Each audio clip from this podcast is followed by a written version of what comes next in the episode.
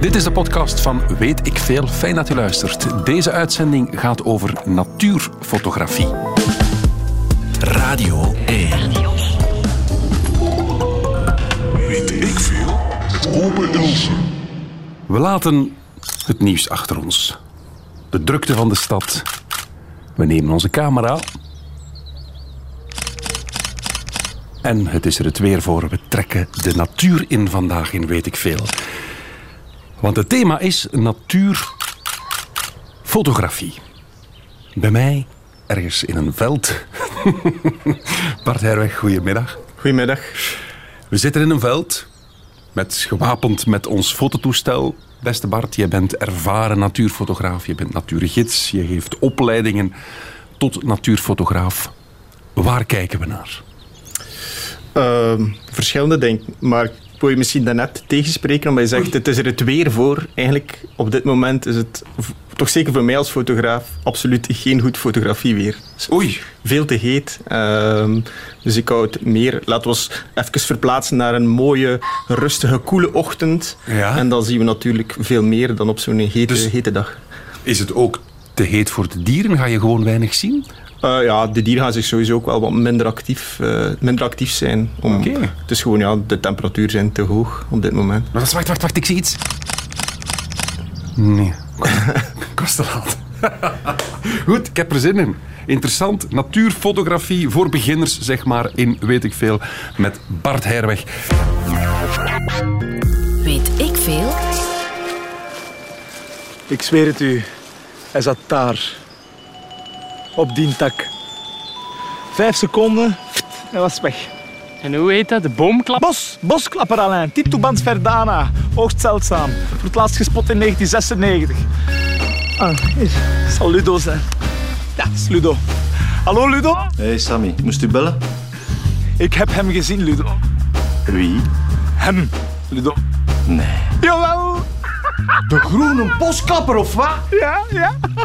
Oh, Sammy toch, wat zit? In het bos bij Ransbeek. Ah, dat is wat die kikkendief zit. Ja, ja, daar kwam ik eigenlijk voor, ja. Oh, ik ben zo blij, Ludo. Ja, dat zal wel. En de foto? Nee, nee. Hoe? Eh, ik, ik had niks bij. Stom, hè. Weet ik veel. Ja, het eiland. De bosklapper, kennen we die, Bart Herweg? Ehm, ik heb hem nog niet gezien in ieder geval. nee. Bart Herweg zit bij mij in de studio. Natuurfotograaf, landschapsfotograaf, natuurgids. En er staat in mijn dossier, hij is een van de beste landschapsfotografen van dit land. Bart, klopt dat? Ik heb mezelf die titel niet gegeven, maar ik ben blij als iemand dat over mij vertaalt. Ja, want wat doe je precies? Eh, ja, landschapsfotografie of natuurfotografie in de brede zin van het woord, met een, ja, een beetje specialisatie in landschapsfotografie. En eh, dat is eigenlijk een hobby die uitgegroeid is tot mijn beroep op dit moment. En, eh, Ah ja, je, bent daar, je kan daarvan leven. Het is niet altijd even gemakkelijk, maar dat lukt toch sommige mensen om daar... eh, ik, ik heb eigenlijk van mijn hobby mijn beroep kunnen maken, maar dat is geen gemakkelijke weg geweest natuurlijk. Ik heb Ja. daar wel hard moeten voor knokken en werken en ja, mijn eigen pad een beetje ja, maken. Hoe ben je die keuze gekomen? Van kinds af aan al met je Kodak dan in der tijd nog de natuur ingetrokken? Ehm, nog niet van kinds af aan met de Kodak, maar wel al van kinds af aan in de natuur. Dat is eigenlijk, eh, mijn ouders woonden op het platteland in de Vlaamse Ardennen. En ja, vlak achter ons huis was er eigenlijk eh, een, een bos. En daar ben ik beginnen de natuur te ontdekken. Ehm, mijn vader had ook een interesse in natuur en heeft mij dat wel een beetje meegegeven. Eh, maar ik heb dat echt in het extreme getrokken, dat ik op een bepaald moment eh, ja, helemaal België rondreed om bepaalde vogels te kunnen spotten. Eh, Niet de groene blosklapper, zoals dat we daarnet hoorden. Welke dan wel? Wat herinner je nog levendig uit je jeugd? Wat heb je ooit gezien? Goh, ja, ik, laat ons maar zeggen, bijvoorbeeld van vlinders en libellen, dat ik, dat ik bijna alle soorten gezien heb die je in België kunt zien. Van vogels, probeerde om zoveel mogelijk soorten in België te zien. Dat was eigenlijk ook een beetje een soort wedstrijdje onder vogelaars om zoveel mogelijk soorten in eigen land te kunnen zien. En dat deed ik ook voor vlinders en ook voor libellen. En, en zo is gaandeweg eigenlijk een beetje die interesse gekomen, ook voor fotografie omdat je die dingen die je ziet, probeer je dan ook vast te leggen. En dat was heel amateuristisch met een heel klein cameraatje. Maar zo langzamerhand is er eigenlijk meer en meer techniek komen bij kijken en meer interesse om daar een beter beeld van te gaan maken. En zo ben ik langzaamaan geëvolueerd naar, naar natuurfotografie. Ja, en dan een reisje naar de Ardèche heeft alles bepaald. Ehm, maar dat was met mijn ouders nog vroeger, dat ik eh, heel vaak met hen naar, naar het zuiden van Frankrijk eh, ging en zo. En dat had ik al. Ik heb nog foto's teruggevonden omdat ik daar zelf ook geïnteresseerd in was. Van kijk, van hoe lang ben ik nu eigenlijk al geïnteresseerd in natuur? En ik vond zo foto's in de albums van mijn, van mijn ouders terug van toen ik 7, 8, 19 jaar was. Dat ik eigenlijk al met een verrekijker rondliep met mijn vader. En ja, die, die diersoorten van de Ardèche te proberen zien en, en op naam te brengen. Wat zijn de diersoorten van de Ardèche? Wat, kun- wat kan je daar fantastisch gaan spotten? Oh, dat waren algemene, algemene soorten. Dat waren vlinders bijvoorbeeld. hè. Je hebt in die Zuiderse eh, streken heb je sowieso wel... Of elke landelijke streek, en daar is een landelijke streek waar je nog een beetje ruimte hebt voor natuur, voor vergeten hoekjes en kantjes die, die we in Vlaanderen eigenlijk heel moeilijk vinden. Ja, daar heb je dan onkruiden, daar hangen dan vlinders onder, hagedissen. En, en ja, het waren zo die soorten die ik dan spotte en ook al een beetje probeerde te fotograferen met mijn vader zijn camera. Maar het echte werk is dan later gekomen. Een heel stuk later eigenlijk zelfs. Ehm, ik ben eh, eigenlijk maar met natuurfotografie actief begonnen toen dat ik een jaar of 20, 22 was. Ehm, dus ik had al tientallen jaren dat ik wel eh, geïnteresseerd was in natuur en daarmee bezig was. was vooral het, determinatieaspect. eh, die dieren leren kennen, herkennen, terugvinden. En dan die fotografie is eigenlijk pas later gekomen. En dan pas in een latere fase dan ook nog eens te proberen om daar ook op vlak van compositie en licht iets beters te gaan van maken. Dus eh, eigenlijk beschouw ik dat ik echt met fotografie begonnen ben zo in de jaren 2004, 2005 ongeveer. Oké, we gaan eraan beginnen. Hè. We zijn in de natuur, beste Bart. We zijn aan het rondwandelen. We willen natuurfotografie beoefenen. Wat hebben we allemaal nodig? Wat nemen we mee? Ehm, camera natuurlijk, dat, Dat is vrij logisch. Maar ik heb tegenwoordig ook een eh, smartphone. Daar kan ik misschien toch ook al wat mee doen. Ehm, zeker. Ehm, het is soms een misvatting om te denken dat je met een duurste camera de beste foto's maakt. Maar het is natuurlijk ook nog altijd de persoon achter de camera die de foto moet maken. Dus Ja. ja, misschien technisch een beetje beperkingen hebt met de, met de iPhone. Maar op zich, een foto waar dat er compositie en licht in aanwezig is. Of dat dat nu met een iPhone fotograferen is of met een camera van 5000 euro. Het is niet, Ja, ja. Heb ik een, een, een klets van een lens nodig? Hangt een beetje vanaf wat je wilt fotograferen. In mijn geval, landschapsfotografie, heb je nu niet direct de grootste en zwaarste lenzen nodig. Als je natuurlijk vogels en zo wilt fotograferen, is dat al een beetje een ander verhaal. En dan, ja, dan loop je soms met een lens van eh, verschillende kilo's rond en die, die een kleine wagen kosten. Ja. Hul ik mij in camouflagekledij of mag ik in het fluogeel de natuur betreden? Fluogeel zou ik eerder afraden, toch? Oké. Ehm, het probleem een beetje in, in- ja, bij ons in België of in Europa in het algemeen is dat vogels toch doorgaans, of, of wildlife in het algemeen, toch doorgaans een beetje schuwer zijn. Er zijn de noordelijke streek bijvoorbeeld en in de Verenigde Staten is dat iets anders. Die soorten zijn precies iets toleranter toe naar mensen. Dus bij ons heb je wel een vorm van camouflage meestal nodig om, laten we maar zeggen, een hert of, of een, een roofvogel of zo in beeld te brengen. Oké, en ga ik me ergens verstoppen of blijf ik ronddwalen? Dat hangt er een beetje van af. Ik denk als je ja, echt een specifieke soort, eh, denk bijvoorbeeld aan een buizerd of zo wil fotograferen, ja, dan ga je toch echt wel moeten nadenken van waar ga ik mij positioneren, welke hulpmiddelen ga ik eventueel gebruiken. Ik denk aan aas bijvoorbeeld om dat dier te lokken. Ah, oké. En dan ga je toch wel een beetje moeten verborgen zijn, want die roof, ah, zeker roofvogels zijn heel eh, schuw. Dus van zodra dat zij gaan zien dat daar iemand zit, gaan zij sowieso niet komen of, of onmiddellijk wegvliegen. Oké. En dan nog, wat moet ik nog weten? Ja, ehm, hoeveel tijd heb ik ervoor nodig? Kan ik het op 10 minuten, een kwartier gedaan krijgen? Of heb ik daar een hele nacht, dag, nacht, dag voor nodig? Moet ik gaan kamperen? Ehm, ik denk dat we over meerdere dagen toch mogen spreken. Dat is Oh, zowel in mijn geval bij landschapsfotografie eh, ook het geval, de moment of ja, de timing om de juiste sfeer en het juiste licht enzovoort. Ja, dat is niet dat dat plots daar is. Eh, dus daar moet je ja, op anticiperen, moet je dat afwachten, moet je dat proberen inschatten. En bij wildlife is dat net hetzelfde. Dat is eerst scouten, kijken waar dat je dier zich ophoudt, eh, waar ga je de, de schuiltent bijvoorbeeld gaan de positioneren. schuiltent. De schuiltent, ja. Dat is is- een soort eh, camouflage uh, kampeertentje. Het is een beetje scouts, hè? Het heeft er wel wat van weg, hè. En dan misschien de vraag, moet ik vroeg opstaan? Altijd, ja. Godverdomme. Weet ik veel? Geen groter visueel genot dan de aanblik van moeder natuur. Maar ook dat is blijkbaar gezichtsbedrog, nu de natuurfotograaf van het jaar werd ontmaskerd als een fraudeur. De man had een tamme, afgerichte wolf gebruikt voor zijn winnende foto. Een smet op het beeld van elke echte natuurfotograaf. Ik kom maar in een slecht daglicht te staan met zo'n zaken eigenlijk. Hè. Als je echt natuurfotografie wilt doen, moet men zich werkelijk houden om de natuur. Hè. Weet ik veel. Nu ga ik proberen dus eh, een kleine dooddaars te fotograferen. Dat is een van de kleinste futen die hier voorkomen. Niet zo zeldzaam, maar toch wel interessant om daar een beeld van te schieten eigenlijk. Zie je al iets? Nee, ik zie nog niets eigenlijk. Bart Herweg bij mij in de studio, een landschapsfotograaf en natuurgids. En een van de beste landschapsfotografen van het land. Ik zeg het er graag nog eens bij. Bartherweg.com kan je ook bezoeken om wat foto's te bekijken.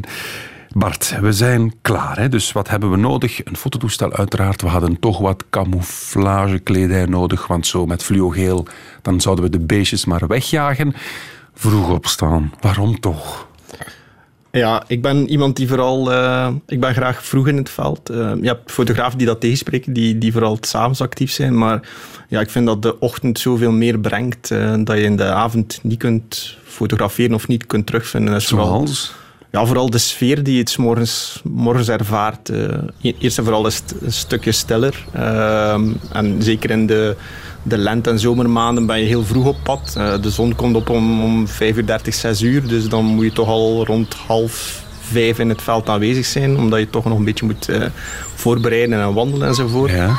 Maar dan heb je heel vaak ook een beetje mist enzovoort die over het landschap eh, hangt. En dat creëert dan natuurlijk veel extra sfeer. En dat is een sfeer, ja, die, die, dat vocht in de lucht en die verzadiging van de kleuren is toch een stuk verschillend 's morgens dan, dan in vergelijking met 's avonds. Maar dan denk ik automatisch aan wat men wel eens durft te noemen magic hour. Een, een uur of twee uur voor zonsondergang, echt. Dat is toch magic hour? De, s'avonds het mooiste licht. Maar Magic Hour heb je zowel 's morgens als, als 's avonds. Dus het is gewoon eigenlijk de stand van de zon die onder een bepaalde hoek staat. En dat heet dan het gouden uurtje. En als die zon onder die bepaalde, het is een aantal graden boven de horizon dat ze moet staan, Ah, ja. onder die aantal graden staat, dan is dit het gouden, of heet dat het oud- gouden uurtje. En dat, je zo, dat heb je zowel 's morgens als, als 's avonds. Oké, en dan... Maar die mist heb je niet 's morgens. En dat is voor mij maakt dat een heel groot verschil. Ah ja, ja. Kunnen we zeggen dat mist jouw werk wel wat definieert? Eh, het is heel extreem geworden zelfs en zo, zo ver dat ik eigenlijk bijna niet meer fotografeer als ik toch op zijn minst niet denk dat ik een kans heb op mist. Oké, maar wacht, dan moet je dus eh, weerberichten in het oog houden ook. Dan moet je weten waar je moet zijn. Dus het is niet zomaar op de wilde boef gaan foto's nemen. Nee, ik denk op de wilde boef, dat, dat werkt niet goed bij nu- natuurfotografie. Omdat je, als je het moment ehm, ziet, ja, je moet er eigenlijk voor gaan klaarstaan. Hè. Dus want als het moment zich voordoet op het moment dat je het eigenlijk gewoon passeert, ja, dan kan je nog snel je camera grijpen. Maar ik denk dat het, ja, het cruciale moment eigenlijk al voorbij is. Terwijl als je klaar bent en je bent voorbereid en je, je schat in van kijk, in die vallei kan ik s'morgens een beetje mist enzovoort hebben. eh, en dan ben je daar ruimschoots op tijd aanwezig ja, dan ben je klaar wanneer dat eigenlijk de magie gaat gebeuren. Wanneer dat de zon langzaam die mist begint weg te branden en zo. Ja, die mist helemaal mooi opgloeit, eigenlijk kleurt. Ja, dat is het moment dat je afwacht en dan kun je het te volle gaan benutten. Maar als je het moment al ziet, als je passeert, ja, dan ben je eigenlijk hopeloos te laat al. Mhm. Neem ons nog eens mee naar een moment dat je dacht... Dit is echt top. Hier ben ik nu vroeg voor opgestaan. Dit is echt de max. Goh, ik, ik heb regelmatig zo'n momenten. Eigenlijk is voor mij elk moment dat ik kan spenderen in de natuur is sowieso al een mooi moment. Maar ik herinner me bijvoorbeeld dit voorjaar in, in de, was ik, ik ben het voorjaar vrij actief geweest in de Ardennen, hè, dus de Waalse Ardennen. Ehm, en daar had ik een valleitje op het oog, een vallei van de Amblijve in, het, eh, ja, in de, Duits, eh, de Belgische Eifel. En daar wou ik echt per se mist boven het landschap. Ehm, en dat heb ik ook verschillende keren moeten gaan proberen. Maar op het moment dat dan uiteindelijk die ochtend daar was, dat er een heel mooi dik deken van mist eh, over die riviervallei hing. En ja, dat is gewoon fantastisch. En vooral ook omdat je er eventjes hebt moeten op wachten en verschillende pogingen hebt moeten ondernemen om dan uiteindelijk dat moment te kunnen fotograferen. Maar zo heb ik verschillende momenten. Ja, kan, kan, ja, talloze momenten. Ja, Eh, graag, graag. Ik hoor dat zo graag. Mensen die gelukkig waren op een moment dat ze eigenlijk zelf gecreëerd hebben. Gecreëerd hebben. Want Het is geen toeval, zeg je. Natuur, goede natuurfotografie is, is geen toeval. Er zullen een paar toevalshots waarschijnlijk in elke fotograaf zijn portfolio zitten, maar het, het, ja, merendeel van, van de foto's is ja, toch scouting, locatiekennis, soorten. Maar als je soorten wil in beeld brengen, achterhalen van kijk, waar kan ik die soort fotograferen, wanneer moet ik daar zijn. En hetzelfde bij landschappen, waar moet ik mij gaan positioneren, waar heb ik nu net die zon die mooi opkomt in tegenlicht, wanneer dat er eventueel wat mist boven boven het water hangt. Eh, Dus dat zijn allemaal dingen die je moet leren inschatten en, en ook deels op anticiperen als die momenten er dan zijn om ja, de moment op ten volle te kunnen benutten. Waar zat je in de Ardennen? Ik zat boven de vallei, of aan de vallei van Damblijven, in de buurt van. Oké. We zitten in de Ardennen. Hoe, hoe laat is het? Ja, dat zal rond half vijf geweest zijn, denk ik. Half vijf 's ochtends. Ja. We hebben koffie mee. Nee, maar ik slaap in mijn auto eh, meestal. Dus ik heb een omgebouwd campertje waarmee dat ik eigenlijk vrij eh, gemakkelijk, eh, of waar ik zeer flexibel mee ben. Dus meestal rij ik naar de locatie waar ik wil fotograferen. Daar overnacht ik en dan ben ik eigenlijk onmiddellijk ter plaatse of vlakbij op het moment dat het Dus we hebben samen in de wagen geslapen. Laat ons daar even van zal uitgaan. krap geweest zijn, maar dat lukt wel. Ja.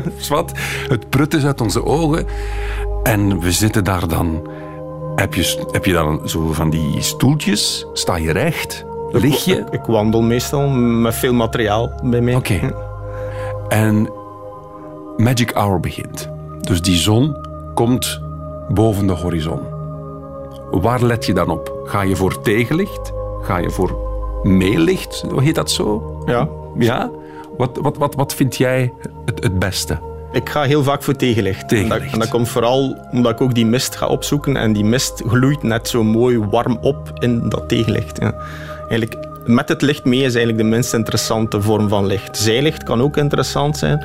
Maar ik verkies graag morgens dat tegenlicht echt vol de zon in fotograferen. En dat is ook maar een heel kort moment dat je hebt. Want die zon eh, stijgt natuurlijk en dat licht wordt harder. Dus dat, het moment dat de omstandigheden perfect zijn, is eigenlijk misschien maar een kwartiertje. Ja. Mag ik even technisch worden? Zetten we ons diafragma, regelen we dat? Nemen we de zon als lichtbron die goed belicht moet zijn? Of mag de zon alles over, hoe heet je dat? Hoe noem je dat? Uitbranden. Overstralen, uitbranden. Ja, wij, wat- wij noemen dat uitbranden. Uitbranden, Eh, ja. Nee, dat probeer je natuurlijk te vermijden. Dat we Want vermijden. Wat je eigenlijk probeert te doen, is wat je ziet met de ogen ook op beeld vast te leggen. En een camera heeft op dat vlak technische beperkingen, maar er zijn natuurlijk hulpmiddelen om dat te overbruggen. Hè. Hoezo? Zo, zo kan je bijvoorbeeld de belichting van meerdere foto's gaan combineren. Eh, dus dat je bijvoorbeeld foto's maakt voor de lucht, maar ook foto's voor de rest van het landschap en die dan samen gaat gaan, in één beeld gaan. Soft- je hebt software die dat eigenlijk kan gaan dan, ben- combineren. dan zijn we toch weer aan het eh, prutsen aan de natuur. Hè? Nee? Maar je kan dus niet een foto nemen waarop de zon goed belicht is en ook de natuur die, die ervoor opduikt ook. Dat, dat kan niet. Dus Wat- we zitten met technische beperkingen. Ja, er is geen enkele camera die op dit moment het dynamisch bereik van een, een oog kan evenaren. Dus terwijl dat je, als je met je oog naar dat landschap zou kijken, zou je wel die zon ook goed zien en ook dat landschap. Maar die camera kan dat niet. En daarvoor heb je, heb je hulpmiddelen nodig of, of bepaalde technieken. Omdat, eh, dat is eigenlijk niet bedotten, want uiteindelijk probeer je ook maar te fotograferen wat je op dat moment ziet. Ja. Maar de technische beperking van de camera is daar wel. Oké, maar daar trekken we ons niks van aan. We zijn nog altijd in Dardenne, s ochtends vroeg. Gaan we ons ook focussen op, op dieren of willen we die zon hebben? Willen we, gaan we op zoek naar de juiste hoek om dat ene hert dat passeert door die rode bol? Kan dat of is dat ook weer geluk hebben? Het kan. Er is altijd een vorm van geluk natuurlijk. Maar ja, geluk dwing je ook voor een stuk af. Als je voor de vijfde keer daar in dat veld staat om dat gert voor die zon te gaan fotograferen, heet dat dan nog geluk of is dat effectief geluk afdwingen dat je doet? Ja. Wat is voor jou het meest geluksmoment al geweest? Een foto waarvan je dacht, ja, dit is toch wel... Goh, ik zou het niet zozeer willen koppelen aan een bepaalde foto. Ik wil het gewoon koppelen aan, een locatie of, of een moment of een sfeer. En goh, zo heb ik er tientallen. En ik zeg, in eigen, eigen land heb ik al heel veel mooie momenten. Maar als ik dan een keer denk aan zo'n topmoment, dat zal in Groenland geweest zijn, waarbij dat wij met een, dat was dan een begeleide reis, een reis die ik begeleide voor een reisbureau uit Gent. Starling heet het reisbureau. En ehm, ja, daar was ik als gids eh, samen met een collega. En dan hebben we eigenlijk een expeditieschip. Dat was een houten eh, driemaster, waarmee wij eigenlijk in de, de Scoresbysund heet dat. Dat is een, een fjordensysteem in het oosten van Groenland. Daar heb je geen communicatie niet meer met de buitenwereld. Ben je volledig afgesneden eigenlijk van internet en, enzovoort. En dan ja, vaar je daar rond met die boot en dan lagen wij op een bepaalde avond voor anker eh, in een baai. En dan gingen we met de kleinere Zodiacs eh, gaan rondvaren op die baai. En dan, ja, dan vaar je rond tussen ijsbergen die ja, appartementsgebouwen hoog zijn. En het enige wat je hoort is kraken van het ijs en een paar Noorse stormvogels en zo die, die nog eh, rondvliegen. Of een paar Noorse sterns. En ja, op een bepaald moment werd het windstil en het, ja, het was één spiegel met al dat ijs. En dan zit je daar dan in je, in je bootje. Ja, dan, dan word je wel stil en, en dan voel je je wel ook klein als je het allemaal ziet. Dat is heel indrukwekkend. Dus dat zijn van die momenten dat je, ja, dat je denkt van, wauw. En welke foto heb je dan in die omstandigheden genomen? Ik heb eigenlijk op een bepaald moment zelfs gezegd, ik heb natuurlijk de foto's genomen van de ijsbergen die reflecteren in dat water. En dus, maar ik heb op een bepaald moment ook gewoon gezegd tegen de mensen die bij mij in het bootje zaten, van kijk, ik ga nu een keer de motor van de Zodiac stilleggen en we zijn nu een keer allemaal gewoon eventjes stil en probeer een keer gewoon het moment ook op te nemen. Want het is soms verleidelijk om te veel met de foto bezig te zijn, dat je eigenlijk het, en ik maak zelf soms ook die fout nog, dat je dan eigenlijk het moment niet hebt beleefd. Was er wind zoals nu of was er eigenlijk niks? Het was windstil, ja. Enige wat we hoorden waren geluiden van vogels en ijs. Oh, ik heb hier ergens geluid van ijs zitten, maar ik vind het niet. Jammer. Ja, dat moet wel een magisch moment geweest Dus het was fantastisch en zo kan ik er nog wel een aantal. eh. Ja, dat is ook- ook een deel waarom dat je denk ik als, of toch bij mij als natuurfotograaf op pad gaat, is niet alleen voor die foto, maar ook voor alles wat dat erbij komt. Die voorbereiding is deel van dat verhaal, dat wachten op die foto, dus daar, maakt daar ook deel van uit. En, en dan natuurlijk is het leuk als alles samenvalt en je kunt dat moment ook effectief op beeld vastleggen, maar het proces daar naartoe is al even belangrijk. Eigenlijk. Radio 1. Weet ik veel? Amai papa, ik ben blij dat ik met u mee mag gaan vogels spotten met uw maten. Ja, maar je moet wel beloven om je te gedragen en stil te zijn, hè, Michiel? Want anders is het de laatste keer, hè? Pierre, daar, een Siberische chiefchef. Dat is een gewone chiefchef, Guido. Nee, dat is een Siberische. Een gewone, godverdomme, sif eens een vast, hè, maat. Mannetjes, rustig. Ah, hier zit. Guido, Michiel, Michiel, Guido, Pierre, Michiel, Guido, Pierre, Michiel, Michiel, Bart. Bo, we zullen er maar eens aan beginnen, hè. Spotten maar. Weet ik veel. Daar, een bifluister. en daar, een bafmus. En daar tussen het riet, een dwergpijp eentje. Michiel. Amai, dat is kei leuk spotten met dieren. Ha, nu snap ik dat jij elke dag naar hier komt. En daar zit een gangbangerij. Michiel, wat heb ik u gezegd? Met vogels wordt niet gespot. Huh? Kom aan, man, pak hem. Auw! Oh, dat is echt- Auw! Auw! Daar een eetsbever! Ah, Echt waar! Auw! Flauw, hè. Over de natuur vandaag met ehm, Bart Herweg, natuurfotograaf. En wat hebben we al geleerd, Bart? Goh, dat we best vroeg opstaan. Dat we toch wel wat materiaal nodig hebben, lange lens of niet, maakt niet zo heel veel uit. Hangt af van wat je precies wil fotograferen. Een, eh, een- je hebt al over een tentje gesproken. Oh, Je slaapt in je auto, zodat je er s ochtends goed bij kan zijn. Je hebt een mooi verhaal verteld over Groenland. Dat je daar bent gaan varen tussen de fjorden en het ijs dat kraakte onder, onder de boot. En dan heb je daar van alles gefotografeerd. Maar mijn vraag is dan, kan je elk type landschap op hetzelfde moment fotograferen? Ik wil zeggen, is alles ochtends mooier? Is alles mooi in de lente of kan je soms beter in de herfst naar daar gaan en dan in de zomer naar daar gaan? Ja, ik denk dat je dat inderdaad juist verwoordt. Dat het een beetje afhangt van welk type landschap dat je wilt fotograferen, wanneer en op welk, in welk seizoen dat je het gaat fotograferen. Oké. Ik denk bijvoorbeeld als je bossen wil fotograferen, is misschien de herfst een betere periode, omdat je dan veel meer kleuren hebt. eh, Ja. enzovoort. En eh, ja, een vallei bijvoorbeeld, eh, een riviervallei vind ik in de lente dan weer mooier, omdat je die, al die frisgroene lente kleurtjes hebt. Zo, die, al dat groen die de kop begint op te steken. En dan heb je ook zo'n heel mooie variatie in groene tinten. Ehm, en dan kun je inderdaad zeggen van zo'n landschap is misschien inderdaad het mooier 's morgens. Ehm, en heel vroeg. Maar ja, als je bijvoorbeeld naar de kust gaat, dan zou je misschien eerder het s'avonds fotograferen, omdat je dan het interessantste licht hebt aan de kust, omdat de zon in het westen ondergaat en dan kan je meer met tegenlicht enzovoort werken. Dus elk landschap heeft wel, Ja, wel een ja. beetje zijn moment en zijn seizoen waarop dat je het gaat fotograferen. En klopt het dat bewolkt zijn, dat dat soms een meerwaarde is? Voor sommige landschappen wel. Als je bijvoorbeeld in de bossen herfstkleuren wilt fotograferen binnen een paar maanden, ja, dan is een bewolkte dag zeker niet slecht. Een zonnige dag zoals vandaag is, is absoluut uit een boos, omdat je dan heel harde contrasten krijgt. Een bos is vrij donker, maar dan je toch invallend zonlicht en krijg je heel harde contrasten tussen de schaduwdelen en de zonnige delen. En ja, dat vertaalt zich meestal niet zo in, niet zo in mooie foto's. En het is ook vrij moeilijk om, om voor de camera ook om, opnieuw om daarmee overweg te kunnen met die, met die contrasten. En dan denk ik aan skiën. Ja, als de zon op een sneeuwtapijt valt, ja, dan is dat zo straf van licht. Dat is voor een camera waarschijnlijk ook niet ideaal. Dus een sneeuwlandschap willen we ook niet in volle zon fotograferen. Nee, bewolkt weer is het bijvoorbeeld ook eh, interessant daarvoor. Of het morgens heel vroeg of het avonds laat, wanneer dat het licht dat op die sneeuw valt een stuk zachter wordt. Ah, dus eigenlijk alle weersomstandigheden kunnen dienen tot een, voor een goede foto. Ja, behalve weer zoals vandaag. D- dat is absoluut niet mijn... eh, ik, ja, ik, Blauwe, zonnige dagen eh, met stralende blauwe hemel, dat is Allee. niet mijn, mijn weertype. Nee. Dat klinkt tegenstrijdig Ja, en bij veel mensen lijkt dat het ideale fotografie weer. Maar ik denk dat je veel meer kunt doen bijvoorbeeld in regenachtig weer dan in zo'n stralende blauwe, Maar blauwe zo'n grijze soep dan in de lucht. Ja, maar dan ga je gaan zoeken naar de juiste landschappen. Bossen of bijvoorbeeld een rivier, een bruisend riviertje in, in een of ander dens bos is veel interessanter om te fotograferen in bewolkte omstandigheden dan wanneer dat er eh, felle zon is. Ja. Ken je Frank Raas, een sportjournalist? Eh, van- ja, een beetje wel, niet persoonlijk, maar... Ja, ja die, eh, ik heb van hem een foto gekocht. Die hangt nu bij mij thuis, groot, het groot laten afdruk. Die fotografeert van op zijn terras altijd dezelfde hoek van de Schelde in totaal verschillende weertypes. Dus zonnige dagen, onweersdagen, heel sombere dagen. En inderdaad, dat is altijd hetzelfde beeld, hetzelfde kadrage, hetzelfde, dezelfde boei die je ziet dobberen in de Schelde.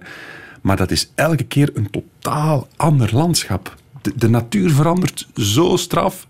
Gewoon de wolk die er is of niet is, de zon die er is of niet is. Het is, het is straf, hè? Dat is ook hetgeen wat het zo leuk maakt, omdat het is inderdaad nooit hetzelfde. De wolken, de mist, de, de sfeer, de omstandigheden, het licht is ook altijd anders. En dat maakt het ook net zo fascinerend en, en ook zo uitdagend om net dat moment te kunnen fotograferen dat je ergens min of meer in gedachten had. En programmeer je je daar... daar, daar Oeh, maar mijn Nederlands vandaag, het is maandagochtend, mijn excuses daarvoor. Stel je je daarop in, je weet, het is een mistige dag, dus ik ga specifiek op zoek naar foto's waar ik die mist in wil gebruiken. Of met jouw talent laat je dat aan het toeval over. Ehm, de meeste van mijn foto's zijn wel effectief over nagedacht. En dan, ga ik, dan is het eerder zo van, kijk, dat is nu de locatie die ik wil fotograferen en daarvoor heb ik die en die omstandigheden nodig. En dat kan, de ene, keer kan dat bijvoorbeeld een beetje mist zijn, maar de andere keer kan dat bijvoorbeeld, ja, stel ik wil in een bos fotograferen, eerder bewolkte omstandigheden. Dus ik ga er altijd wel over gaan nadenken, wat zijn nu die ideale omstandigheden? En dan probeer je te gaan inschatten wanneer dat je die omstandigheden krijgt. hè. Dus er zijn wel foto's dat je kunt zeggen van ik passeerde daar toevallig en de sfeer zat net goed en ik heb dat beeld daar kunnen maken. Maar dat is toch een minderheid van de beelden. En als we dan eens nog wat technischer gaan, want het interesseert me wel. De horizon. Halverwege de foto? Of Eh. doen we dat de, op een derde, twee derde? Hoe, hoe bepalen we het kader? Want dat is toch ook essentieel. Willen we veel lucht zien, weinig lucht zien? Hoe, hoe, hoe doen we dat? Wat de regel de regel van derde, zoals dat je eigenlijk aanhaalt, is dat je inderdaad probeert te vermijden om de horizon in het midden te gaan plaatsen. Dat, dat komt een beetje amateuristisch over. Ja, dus eigenlijk is dat, komt dat vooral ook omdat onze hersenen op een bepaalde, alleen een bepaalde verhouding waar een beeld is opgebouwd mooier vinden dan andere. En dus een van die regeltjes is dus als je de horizon of je belangrijkste aandachtpunt niet in het midden plaatst, maar op een van die ja, lijnen op een derde of op twee derde van de hoogte of de breedte, dat dat gewoon onze hersenen zijn die dat ook mooier, mooier vinden. Want waar kijken we naar met onze ogen als we naar een foto kijken? Wat is het, welk punt is het eerste dat we bekijken? Dat hangt er een beetje van af. Meestal de lichte delen in een foto is hetgeen waar dat het oog het eerst naartoe springt. De lichte delen? Ja. Dus daar kun je als fotograaf ook mee gaan werken, want je kunt bijvoorbeeld licht gaan gebruiken om het oog van de kijker te gaan sturen richting een bepaald onderwerp. Als ik bijvoorbeeld, ik ben ook met macrofotografie bezig en ik een vlindertje of een libelt morgens fotografeer. Macrofotografie, dat zijn extreme close-ups van kleine wezentjes. Dat is macrofotografie. Dat is dan heel, heel eenvoudig uitgedrukt. Voilà, ja, zo zijn we. Ehm, want het is daarom niet altijd de bedoeling om het diertje zo extreem te gaan, in, allee, of in detail te gaan fotograferen. Ik vind het net mooier om het dier iets minder in detail te fotograferen, zodanig dat je ook nog iets ziet van de omgeving van het dier. Mhm. En dan kun je ook veel meer gaan spelen met licht. En dan kun je bijvoorbeeld de opkomende zon achter het onderwerp gaan plaatsen, waardoor dat eigenlijk het oog onmiddellijk ja, zoekt de lichte delen in het beeld en gaat dan onmiddellijk eigenlijk... Ja, het oog gaat onmiddellijk naar uw onderwerp gaan, gaan springen. Ja, ja, ja. Maar dus eigenlijk begrijp ik, landschapsfotografie en dierenfotografie zijn toch wel twee aparte zaken. Ehm, ja, het is een andere techniek, maar de ja, dingen zoals compositie en licht en sfeer, dat is over alle vormen van fotografie hetzelfde. En kan je dat leren of is dat talent? Een combinatie van beide, denk ik. Maar ik denk wel dat je ook veel kunt leren. Maar als ik kijk naar, en dat toon ik ook soms als ik lessen geef, ik toon ook aan de mensen mijn oude beelden en dan toon ik van, kijk, dit is zoveel jaar later gemaakt en dit is een meer recente versie daarvan, ja, dan zie je daar een enorme evolutie in. En ik heb het ook maar geleerd, gewoon door zelf mee bezig te zijn. Dus je kunt wel een groot stuk leren. Weet ik veel? Weet ik veel gaat vandaag over de natuur. We zijn er veel in gaan wandelen tijdens de lockdown, maar onze gast vandaag, Bart, die legt het ook vast, is professioneel natuurfotograaf. Heeft ons al wat tips en tricks meegegeven. Vroeg opstaan, beetje kadreren, hebben we geleerd. Op een derde, soms al verwegen misschien. Alhoewel, dat vinden we wat amateuristisch, Bart. Hè? Hangt er vanaf. Hangt er vanaf. Er zijn omstandigheden waardoor je ook de horizon in het midden zou willen plaatsen. Voilà, het is niet alleen talent, je kan het ook leren, zegt Bart. Het is misschien wel de moeite, want door die lockdown hebben we de natuur wel teruggevonden. Ik spreek voor mezelf, de Hobokense polder. Het ligt op drie kilometer van mijn deur. Ik was er nooit geweest tot die lockdown. En mijn god, wat een mooi stukje natuur. Ja, ik denk dat mensen. eh, ik, ik was blij om te zien dat er ehm, ja, dat veel mensen de natuur introkken om te wandelen, om te joggen, om te fietsen. Omdat natuur is toch iets. ik- bij mij is dat iets dat al heel mijn leven een enorm eh, belangrijk element is. En ja, ik vind dat veel te weinig mensen beseffen hoe belangrijk die natuur wel is. En in de lockdown konden we inderdaad niet veel meer doen dan, dan gaan wandelen en gaan fietsen.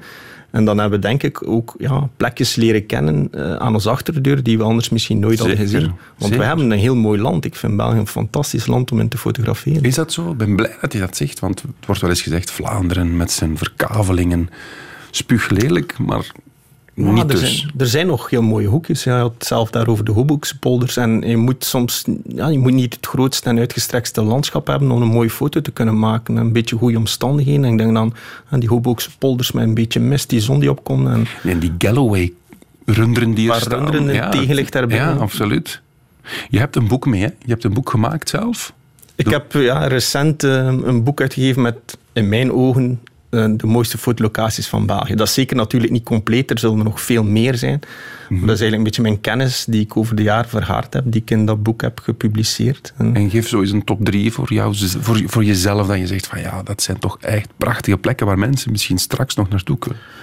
Goh, ik ga eerst mijn eigen streek promoten. Ik ben opgegroeid in de Vlaamse Ardennen en woon nu vlakbij de Scheldevallei. En dat zijn voor mij toch, ja, toch plaatsen waar ik nog altijd vaak fotografeer. En dan zeker de Scheldevallei. En dan ben ik hier opnieuw met mijn mist, maar daar hangt ook regelmatig mist in die vallei. Eh, maar bijvoorbeeld de Dender in Ninove is een plek die ik meer en meer gaan verkennen ben. En het stukje tussen Gerardsbergen en Ninove is, is gewoon fantastisch. Die kronkelende rivieren in het voorjaar, die mooie variatie aan kleuren en die bomen en die vegetatie. En dan een beetje mist ook opnieuw over dat landschap. Dat is fantastisch. De Damse Vaart lijkt me toch ook zo'n ook, klassieker. staat ook in mijn boek. Ja. Ja. Damse Vaart en ja, over gans België. Er zijn ook een aantal plekken in Wallonië eh, die fantastisch zijn. Ik denk aan de Hoge Venen of, of de vallei van de, de Hoenje, een bergriviertje. Dat zijn plaatsen, als je daar rondloopt, ja, dan denk je bijna niet meer dat je nog in België bent. De eerste keer dat ik rondwandelde in, in de vallei van de Hoenje, dat leek me eerder zo bijvoorbeeld een bergvalleitje in Canada of zo, dan, of in Zwitserland. Dan, Ik zeg dat ik daar nog nooit van gehoord heb. Het is nogthans ondertussen een bekender plekje geworden, maar dat is... eh, De ja, vallei van de... de Hoenje of de Hoanje, ik weet het niet hoe dat je het exact uitspreekt. hè. Dat is een, een rivier die vertrekt van op de Hoge Venen. Eh, dus plateau van de Veen en zo, het, ja, het veenwater eh, naar lager gelegen gebied mee. En dat is heel rotsachtig. Mhm. Het is fantastisch om in de herfst rond te wandelen. We hebben ons voorlopig vooral gefocust op dat landschap. Maar laten we ook eens proberen om, om wat, wat dieren te fotograferen. Is dat, dat hangt toch nog honderd keer meer af van toeval dan de mist boven de velden die je eigenlijk wel kan voorspellen. Ja, het is, het is, maar er is altijd wel een deel toeval, denk ik. Eh, en ook de, het gedeelte toeval proberen natuurlijk zoveel mogelijk te beperken. En dat is Ja. bij, bij wildlife niet anders dan... Maar ja, die vlinder die net op die bloem komt zitten, ja, dat moet wel gebeuren. Hè? Ja, maar als je bijvoorbeeld vlinders wilt fotograferen, dat doe je dan bijvoorbeeld 's morgens vroeg. Eh, En dan ga je overdag, of ik werk toch zo, ik ga overdag eigenlijk in dat gebied gaan rondwandelen en gaan kijken van kijk, hoeveel vlinders zie ik hier nu rondvliegen en welke soorten. En waar, hangen die zich ook meest, waar houden die zich ook meest op? Want die vlinder gaat geen twee kilometer verder vliegen die dag. Die gaat eigenlijk een beetje rond dezelfde bloemen blijven rondhangen. Dus je doet prospectie? Ja, ja, dat doe je bijna altijd, denk ik. Ah, oké. En dan ga je gaan kijken van ja, waar, waar houdt die vlinder zich op. En dan, ja, dan is de kans al groter als je 's morgens dan op die plaats gaat gaan zoeken, dat die vlinder daar ergens op een van die bloemetjes zit te rusten. Want die zet zich neer s'nachts, koelt af. Dus s'nachts koelt het af, die vlinder koelt af. Kan eigenlijk de eerste uren heel, is weinig mobiel, dus blijft meestal mooi zitten. En dan kan je die eigenlijk vrij uitvoerig fotograferen. Dus op de middag, rond twee uur in de namiddag, een vlinder gaan fotograferen die op een bloem zit, dat is onbegonnen werk. Dat is eh, jacht dan, hè. dan probeer je die voor, maar het lijkt me toch niet zo simpel. Eh, ook het licht is op dat moment niet, niet meer optimaal, dus ik, ja, opnieuw hou je ook, ah, of ik hou ook opnieuw van dat ochtendlicht om die vlinder in beeld te brengen. Dan kan je ook met tegenlichtopnames en zo gaan werken. Ja. Libellen zijn ook een fascinatie van jou. Ook niet zo evident, lijkt mij. Of heb je daar ook een trucje voor? Zitten die ook op een bepaald moment rustig neer? Ja, dat is een beetje hetzelfde verhaal als de vlinders. hè. Die houden zich ook op rond ja, in veldjes en, en, en in de vegetatie rondom eh, ja, een ven of een, of een vijver of zo. Dus dat is eigenlijk een beetje dezelfde manier van werken als dat je bij die vlinders doet. Ook gaan scouten en dan s morgens terugkeren. Als ik dat mag vragen, is er in de wereld van de natuurfotografie ook niet wat boerenbedrog? Ik neem aan, het is een foto, dus het is geen bewegend beeld. Dus ik kan wel wat in scène zetten. Ja, dat wordt, ook, dat wordt ook gedaan natuurlijk. Wordt dat gedaan? Ja, dat denk ik wel. hè. En is dat ook dan volgens de regels van de kunst of niet echt? Het hangt er een beetje vanaf hoe ver dat je daarin gaat, natuurlijk. hè. Ehm, er is niets verkeerd, denk ik, met, eh, ik zeg maar eens, ik wil een, een bepaalde vogel, een ijsvogeltje fotograferen. Er is niets verkeerd met een schuiltentje te gaan opzetten en een tak aan het water klaar te steken en die ijsvogel dan te wachten tot als die ijsvogel op die tak komt zitten. Nee, dat is de natuur een beetje helpen. Dus een beetje helpen, ja. En je probeert de situatie een beetje meer onder controle te krijgen, zodanig dat de kans groter wordt dat je die ijsvogel daar kunt fotograferen. Maar als je, zoals in het fragment dat je liet zien, natuurlijk met opgezette, opgezette wolven, of allee, het was een, in dit geval was het een, was het een, een wolf uit een zoo. Hè. Dat fragment in het begin van de Ah, ja, ja, ja, aflevering. Ehm, en zo zijn er nog wel, wel eh, anekdotes te vertellen. Ik denk bijvoorbeeld aan, laatst in diezelfde wedstrijd was er iemand die met een opgezette uh, mierenneter een, een sein had gemaakt, maar ook door de mand is gevallen. Dus er wordt wel ver gegaan in zo'n Vertel het verhaal van de opgezette miereneter. Ja, dus, dus voor dezelfde wedstrijd, is de, de Wildlife Photographer of the Year, dat is de grootste fotografiewedstrijd ter wereld. Als je daar in de prijzen valt, dan, dan is direct je naam bekend over heel de wereld. Ja. En daar was iemand die met een, een soort opgezette miereneter, die had die op een, op een mierenhoop gezet. En ehm, dus een nachtopname gemaakt, waarbij die, het waren een soort lichtgevende mier of zo, dacht ik. Of een soort, ja, ik weet niet exact welk dier dat was. En zo die foto had gemaakt, maar dat was dan, die had, was dan in de prijzen gevallen met die foto, omdat dat natuurlijk zo'n fantastisch beeld was. Ja. Maar dan achteraf ja, waren er toch experts die hadden gezien van tja, die mierneter lijkt wel verdacht veel op die mierneter die daar in dat museum of zo staat. En die was dan op die manier door de mand gevallen. En die wordt dan onmiddellijk gedisqualificeerd. Ja, dat, dat hoort niet. Nee, nee, en dat is dan ook denk ik geen goede reclame voor jouw naam als fotograaf in dat wereldje. Maar mag ik, stel ik, ik ben onderweg naar mijn locatie en ik kom roadkill tegen, een, een, een dier dat gedood is door een passerende wagen. Ik neem het mee, ik leg het in, in, in het veld en daardoor komen roofvogels of komen andere dieren daarop af. Dat mag dan weer wel. ik ga niet bepalen wat mag en wat niet mag, maar in Ja. mijn ogen is daar niet zoveel verkeerd mee. Nee. Integendeel, die dieren gaan misschien dan net iets te eten gehad hebben, terwijl dat misschien anders niet het geval was. Ja. Iedereen moet voor zichzelf een beetje bepalen hoe ver dat hij daar wil in gaan en waar dat hij ook ja, ehm, hij voldoening uithaalt. Ik heb zelf niet zoveel voldoening om veel in scène te, te zetten. Dat is niet de manier waarop ik graag fotografeer. Maar er is niets verkeerd, verkeerd mee met de, de natuur een beetje te helpen. Maar, of, allee, of de fotografie een handje te helpen, maar het mag natuurlijk niet te ver gaan. En, eh, niet ten koste van de natuur natuurlijk. Tuurlijk. Beste Bart, we naderen alweer het einde. Het is verschroeiend hoe weinig tijd we hebben. Maar dat wil zeggen dat er even ik veel. Voilà, gekwist moet worden. Heb ik goed geluisterd, beste Bart, naar jou, de ervaren natuurfotograaf. Laat maar komen. Wel, Kobe. Eh, Wat is ehm, het beste toestel voor natuurfotografie? Doe je dat beter met een iPhone of met een heel duur gesofisticeerde camera? Dat lijkt me niet zo'n heel moeilijke vraag. Een gesofisticeerde camera. Goeie vraag. Helaas. Het is vooral de man achter de camera die denk ik belangrijker is. Godver... Het was een strikvraag, of wat? Doe maar. Ja. De volgende vraag. Het gouden uurtje. Is dat vooral 's morgens of 's avonds? Ook weer een strikvraag. Allebei, hè? Ja, inderdaad. Ja, hè? op het moment dat de zon ofwel net boven de horizon is, ofwel bijna onder de horizon zakt. Beide eigenlijk. Hè. Dus als een bepaalde hoek boven de horizon staat, dat is eigenlijk het gouden uurtje. Oké, maar rekenen we juist, hè? Ja, ja, het is juist. Yes. Waar was ik dit voorjaar in de Belgische Ardennen op pad om die mooie mistige vallei te fotograferen? Oh, dat is een smeerlap.